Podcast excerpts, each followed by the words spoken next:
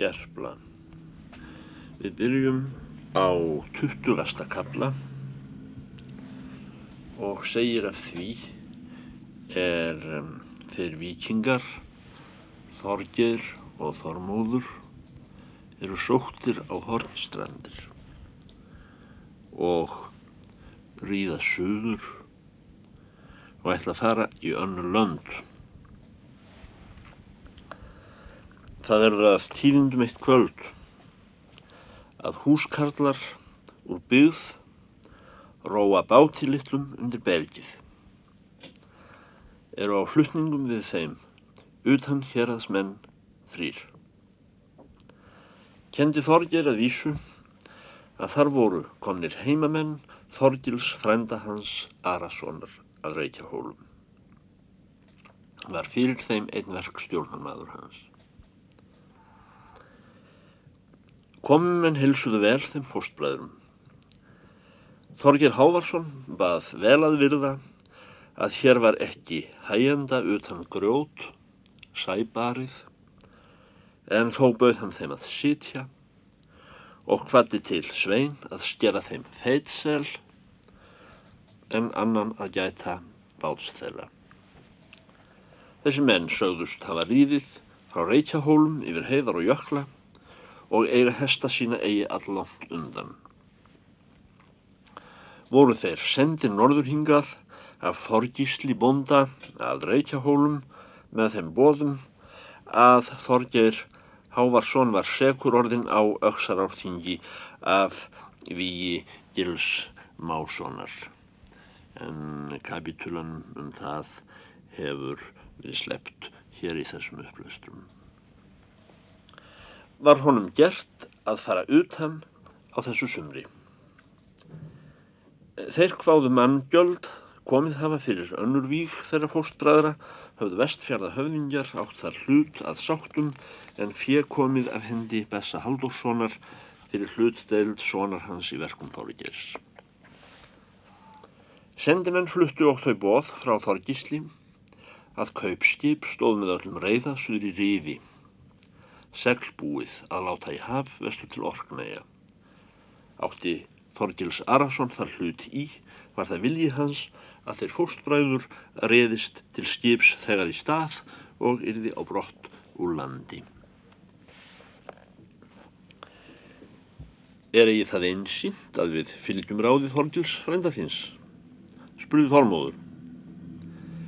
Enda erum við að landslögum rétt dræpir hverju manni hér á landi. Við munum fylgja ráði einskis manns, mælti Þorgir Hávarsson.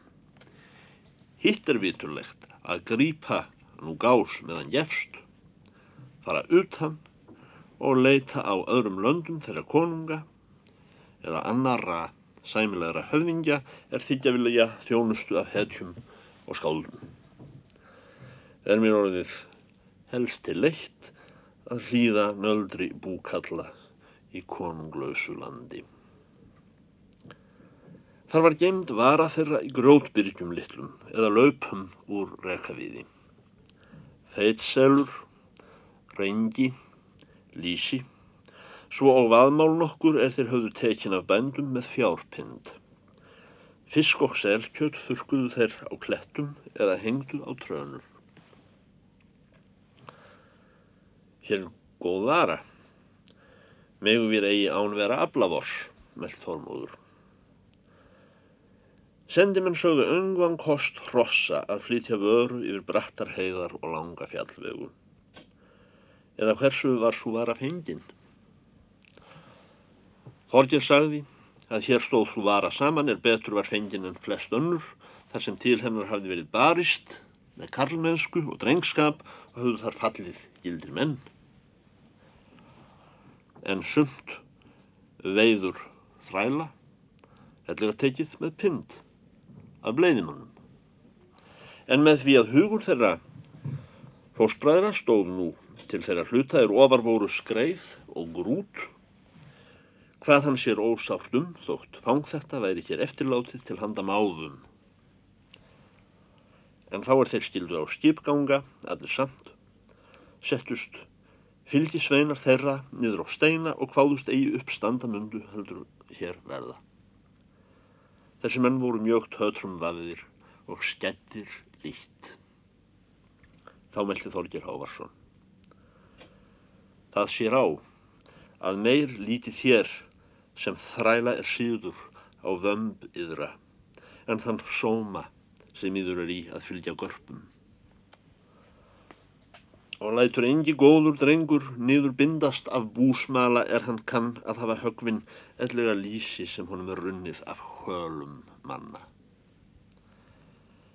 Er það hverjum feng meira að vita sig átt hafa alls kosti við flesta menn í nokkrum stað og höldum svo í brott að við þurfum við öngvan mann að binda sætt og fríð nýgrið að hafa. Utan þau einn er við sjálfur settum mönnum. Þess vörðu. Nú hlaupist þið frá lofórðum ykkrum við oss. Og viljið gefa foglum þau auðæfi er við öfluðum ykkur við erna raun en draga oss eftir ykkur slippa á óvísa vegu höfum við þó lagt vort líf við ykkart líf og kostað til vorum sóma þó lítill væri og þeir leppar er við vefjumst. Eru nú tánari en þá er við reðumst í félag með ykkur og voru þá vondir. Nokkrir eru og þeir ykkar í fylld að eigi eru gróin kalsár síðan í vetur og heldur þið drepi. Skulum við nú gjalda þess er við vorum eigi jafn vitrir lús Er hann kaust að flýja með þeim manni hér á hormströndum er vitrali var en þú þorgir. Og hefði mátt vera þinn handbani ef hann hefði nefnt að drepa þig þá er þú svafst undir öksi hans. Þorgir meldi. Það sýnist mér ráð að við högðum óhelgi menn þessa hér á klömpinni. Menn Þorgils Arasonar vildu sem skjótast ná hestum sínum og ríða suður þegar í stað en byrja eigi manndráp. Báðu þá fóstbræður skaka eigi vopn við umhleypingum þessum og tefja svo tíman að ónýtju, óks og kvikan undir berginu og áttu ræðarar nóan starfa að halda bátnum til. Og varð úr að fóstbræður stígur skip og urðu tötramenn sveinar þeirra eigi drefnir að því sinni heldur settust að þangi er þeir letu eftir.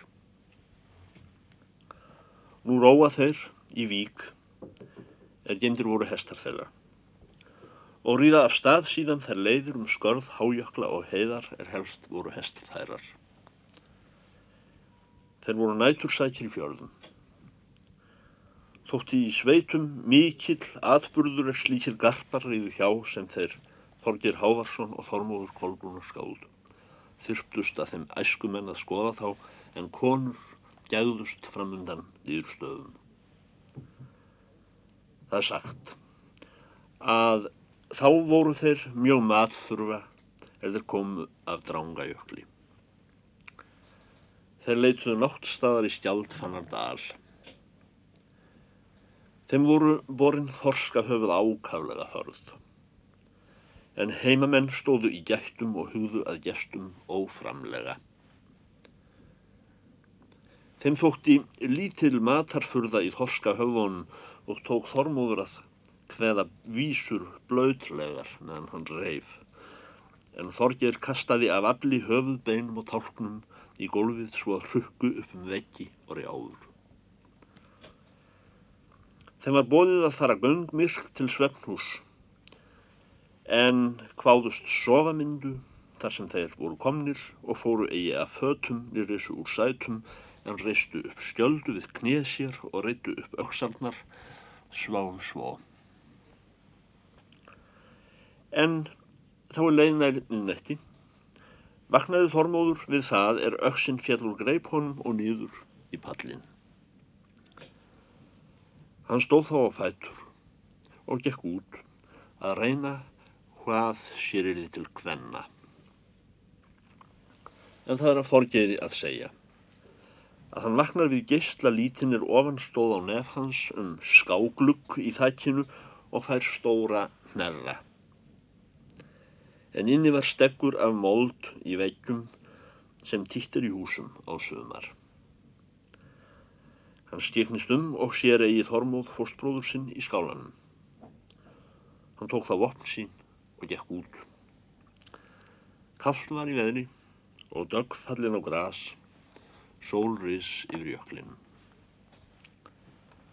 Heimamenn voru eigi á fótum utan sonur bonda, hann var ofan komin að hleypa út kvífje úr nátthögum og gæta vallar. Honum verður lítið til hvar hross nættur gesta standa í miðju túni, kallar á hunda sína og etur á hrossin en þau voru svöng af langferð og letu eigi að að býta, en sum stóðu framann í hundónum. Verður nú bonda sinni skapfátt við hrossin og keirir sviðu einn hestin. Þetta gerist jafn snemma því sem Þorgir Hávarsson kemur út úr húsinu. Hann hefur uppi spjót sitt þegar og gengur niður í túnfótinn að mæla við bondasón. Er nú, segir hann, að beita geyri sínum gegn manni og eigi ferfættu kíkvendi. Bondasonur hafði spjót eigi meira en svo að digði til að íta við bárækum nautum. Segir á sumum bókum að verið hafi brottstafur einn. Öngvan hafi sveitnin skjöld að verja sig. Hann velur þann kost að leita undan og til lambahús er stóð í túnfætin. Þorgir sækir á eftir honum. Heitótt stóð á bæki lambahúsinu og var tómað öndverðu sumri, leitar bóndasónum þangað. Tóttar dyrnar innan úr lambhúsinu voru of þröngvar og lágar svo miklu manni sem Þorgir var vexti, enda var hann ófús að beigja sig. Hann hverfu nú á það ráð sem lengst hefur dugað í fornsögum að rjúfa þekkjuna. En þar lágu á stóðum torfur er skilt höfðu hegjum um veturinn. Stendur Þorgir Hávarsson á vegginum en bondasónu niður í kumlinu og etjast á spjótum gegnum torfið. Halda þeir áfram þessum starfa uns spjót bondasónar brotnar af skefti. Þorgir hleypur þá ofan um raufina niður í tóktina og hefur upp í öksi sína við sveinin og tekur að högva hann svo að þar síndust sjö á lofti. Hnésveitnin þar nýður við moldarvegginum og dreiniði úr fjölda sára. Leð hann þar lífsitt. Í það mund skrýður Þormóður Kolbrúnarskáld út um glugg einn á bænum. Stóð hann á hlaðinu þá er Þorgir sneri heim frá verki. Þeir vekja nú förnauta sína, hvaðu sér svefn leiðan í grænjum kotkarla, sögðust búnir til ferðar. Og er þeir voru stygnir á bak hestum sínum, lýsir Þorgir Vígi Bondassonar á hendur sér fyrir bæjar durum.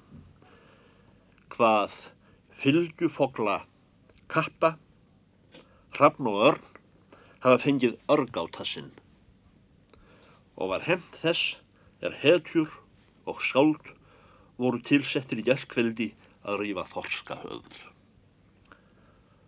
Síðan stigu þeirra bak og rýðu leið sína. Þannig dag var sólskinn glatt og blés af jöklinum. Voru þeir fóstbræður all kátir. En er nær dró miðjum sveitum skiptust vegir og urðu ymsir, svo að þeir vissu eigi ávalt hver þeim myndi henda. Þeir um, fóstbræður fara fyrir förnautum sínum. Þar liggja götur með árbakkan okkur. Og sem þeir ræða með sér um leiðir, sjá þeir hvar maður gengur á móti storminum og hefur hrísbyrði sér á baki og stendur vindurinn í byrðina mjög og skjórar maðurinn við. Þorger Hávarsson kallar til þessa maðs yfir um ána og spyr hann að heiti eða hvert leiðir liggja. En bæði var að vindur og vatsniður bannaði manninum að nema mál ferðalangs, en það svaraði hann öngu. Þorgeir kallar enn nokkrum sinnum. En hrísburðarmadur heldur áfram göngu sinni og veitir ekki ansvar. Þorgeir meldi. Egi er sámaður meðalfóli. Er hann hyggst eigi lítamunu á Þorgeir Hávarsson og okkur fórstbræður? Það ykkur mig að eigi sé maður þessi mjög sjónskarpur, meldi Þormóður, og vildist mér reikull í spori sem háttur er blindra manna. Hví svarar hann þá eigi er til hans kalla þeir menn sem mestir garpar eru um vestfjörðu? Muni ég vist eigi þóla fríu af þessum manni, segir Þorgeir.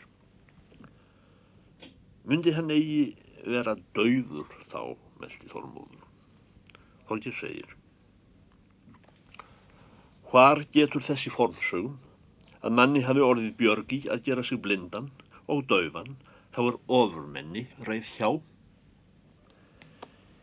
Hyggir að vísu að bæði hafi maðurinn hert oss og séð og muni nú virða oss til veikleika ef við finnum hann eigi. Síðan beitti hann hesti sínum út í ána og reið yfrum að manninum og laði spjóti fyrir brjóst honum og fjall maðurinn undir byrði sinni og var sár. Tók hendi fyrir brjóst sér og stundi við. Þorgel hljópa baki hesti sínum og tók að högva höfuð af manninum og vanst furðu senlega því að vopnið var deikt þótt hugur kappans veri góður. Þó varð laust höfuðið frá bólnum um síður og um, lág maðurinn þar í tvennu lægi á grundinni hjá hrísbakka sínum og var döður. Eftir það reið Þorgir aftur yfir ána til Þormóðs. Förunauta þeirra ber að í þeim svifum rækhælinga. Þeir sögðu að mikið var aðgert en það átti garpur hlut að.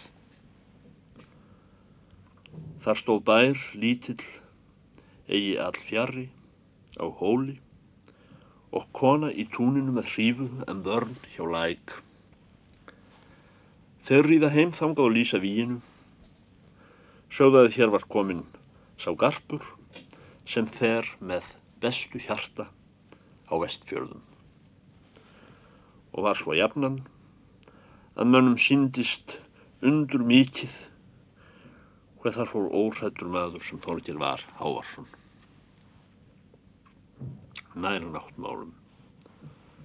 Þá er þeir ferðamenn höfðu ríðið sjávargöturum hríð, komuð þeir að forfaða undir sjávarhamnum.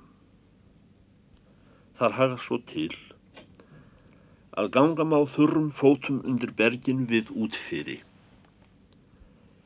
en verður ófært mönnum og hestum með flóði og er eitt af tvennu.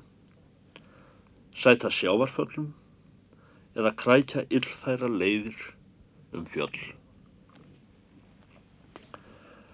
Þá var hækkað mjög í er þeir nálguðust forvaðan. Rækhælingar reyðu á undan en þeir fóstbræður allámt eftir og rætust við um þá hluti er þeim voru jafnan efst í huga Taldið Þormóður þann mann sælastan er vekti að vífsrúnum á náttarþeli. En Þorger hinn er knætti rýsta valrúnar of dagljósan. Hvað enn sem fyrr þann mann í betra stað komin er fjalli fyrir vopni óvinnar en hinn er konu laud. Og meðan þeir velja þetta með sér koma þeir við forvaðan. Þeir stífa baki hestum sínum og girða á þeim fastara og láta þá taka til jarðar. Uns Þorgir segir af hljóði. Þóttu sért maður elskur að konum Þormóður. Er eigið það að diljast að allra manna ertu vopn feimastur þegar er ekkert ekki.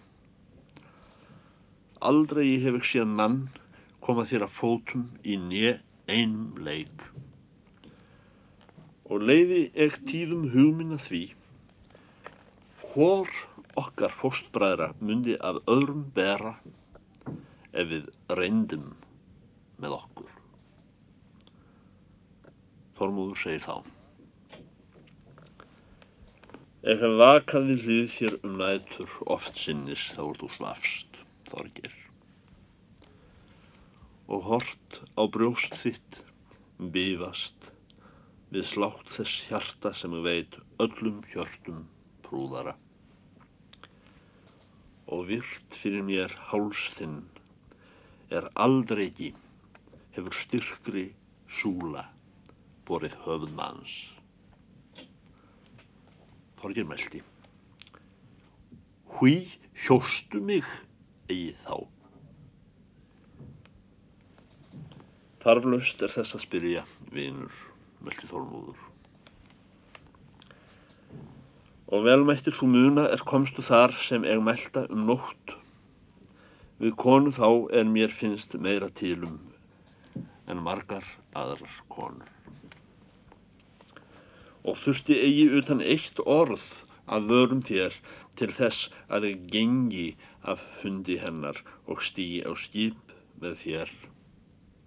Voru þó veður köld og þá er ég horfi á þig sofa hlægir mig mest svo vitra sem mér er komin frá gerstrotni vini mýmis að ég skuli fara kvikum höndum um höfu þitt blóðugt nokkur dag. Og vættir mig að þá muni þessir köglar mínir mjóir og veikir á hemd leita eftir þeim eyði er við sórum jörðinni og skal þú ríða fyrri undir forvaðan Nú verður Þorgeri lítið til og sér að mjög er aðfallið, en förnauta þeirra ber hratt undan. Bregður skjótt við og beitir hesti sínum í flæðina millir Standbergsins og Holskeplu er reið að landi.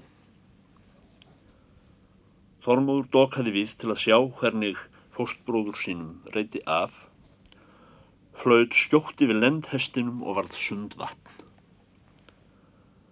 Það stóðst á endum að þá var maðurinn komin yfirum er ölduna bröð á standberginu. Þorgir fór af baki hesti sínum, handan forvaðans og báknaði til Þormóðar að ríða. Það er að segja, hann gaf honum merki um að fara nú á stað. En þá er Þormóður ætlað að stíga bak er hesturinn hlaupin undan og í fjallið. En það var þá haf óreitt orðið millir þeirra fórstblæðra Þormóður gerði lúður við munn sér með hendinni og kallaði Eg veit eigi hvor okkar myndi að öðrum vera í einví en þeim orðum hefur þú meld sem nú munu skilja vorar samvistir og föruneyti. Og finn eða gjörla að þú hefur enn eigi sæst við mig fyrir það er að barg lífi þínu í söðumar. Mér voru þau orð eigi alhuguð, kallaði Þorgir Hávarsson. Í hug kom mér meðan meldir svaraði Þormóður og að vísu oft fyrr og mun skilja með okkur fyrst að sinni og þar heill og vel.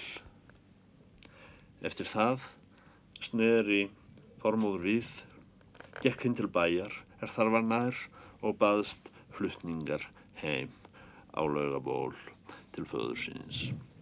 21. kapli Það er að forgeir að segja Hávar síni að hann rýður sur í rýf og tegur sér fari á skipi því er þar beigð og Þorgils átti hlut í Arason. Þeir voru svo kaupmenn að þá keiptu þeir við menn er þess var kostur. en ræntu að norrænum síð þar sem eigi voru menn fyrir líklegir að verja eigur sínar. Þeir höfðu veður blíð hinn fyrstu dagur en síðan grætist vindur og hugðust þeir taka hjaldland eftir skamma útivist ætluð að kaupa þar sylfur fyrir varning sinn. En sem þeir þykjast nær komni löndum dettur í lokn vindurinn og falla á brælur, úrgar og verða langar hafdimmur. Í þann tíð var farmönnum ókunnur leiðarsteinn og jógst vandinær sem byrði stjórnu. Þeir ræða nú í hafvillur og láta yfir drífast dögum saman uns svo verður lykt farar að þeir bróta skip sitt á klettum og fyllir skipið og sökkur með rá og reyða. Farast þar margir menn og druknuðu skipstjórnar menn allir. En svo er sagt að sjö menn heldi lífi í þessum skipsháska.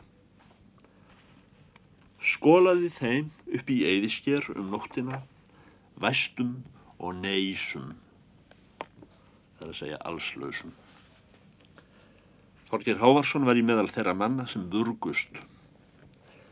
Hann var klættur, stakki og gerður sverðið því stuttu og ein eggjuðu er hann skildi aldrei við sig. Maður nokkur spyr að mætti hans um nóttina. Þorgir Hávarsson svaraði. Egum á vel og hefur gnægð flestra hluta er ég hef saksmitt að drepa þá menn er mér eru eigi að skapi. Í dögun aflýtti dimmunni og lítast skibrótsmenn um og sjá að þeir standa á kletti í stjerja klasa undir grýttri strönd og þó eigi allskamt frá landi. Þar var í hópnum farmaður einn gamal er hvaðst kenna landið, segir Írland vera munu. Egi leist þeim vennlegt að leggjast til lands, svo velktir sem þeir voru. Eldur varð ekki kveiktur í skerinu og horki höfðu þeir mat niður vatn. Þeir stiftust á að standa þar á klettinum sem hæst bar og vefðu klæði mátti þaðan glögglega sjá upp leggja reiki mjóa frá manna bústöðum á landi og hildi upp húsin er sólinn heitti loftið. Síndust þar fagurlegar kastalaborgir. Þar risu og turnar með skínundum krossum. En mörgu virtust þarlandsmenn hafa þarfara að sinna en huga að skipbrótum og þá er Þorgeri Hávarsinni var ætlað að halda upp í neyðarveifunni, kalla þeir til hans félagar. Hann segir svo. Sent mun þau tíðindi að spyrja af Þorgeri Hávarsinni að eg bladra klútum fyrir mönnum, að byggjast hjálpar. Því sem ég er betra að gerast skernár manna en þurvalingur. Skernár það er döður maður í skeri var mér því aldrei í spáð að einmynda í þá ógæfu rata að þykja grið að mönnum. Mun ekki því hér deyja í stjerinu heldur en þóla mingun. Svo líða sex dægur að skipbrótsmenn hafa eigi mat að eta nefn vatna að drekka. Þar sjá þeir lík félaga sinna fljóta upp í stjerin um bergis. Þeir tína nú og tölunni er stjerið byggðu sé að þeim döfleikur er þeir sátu á nætur í klettónum en síðan fór döði á þá.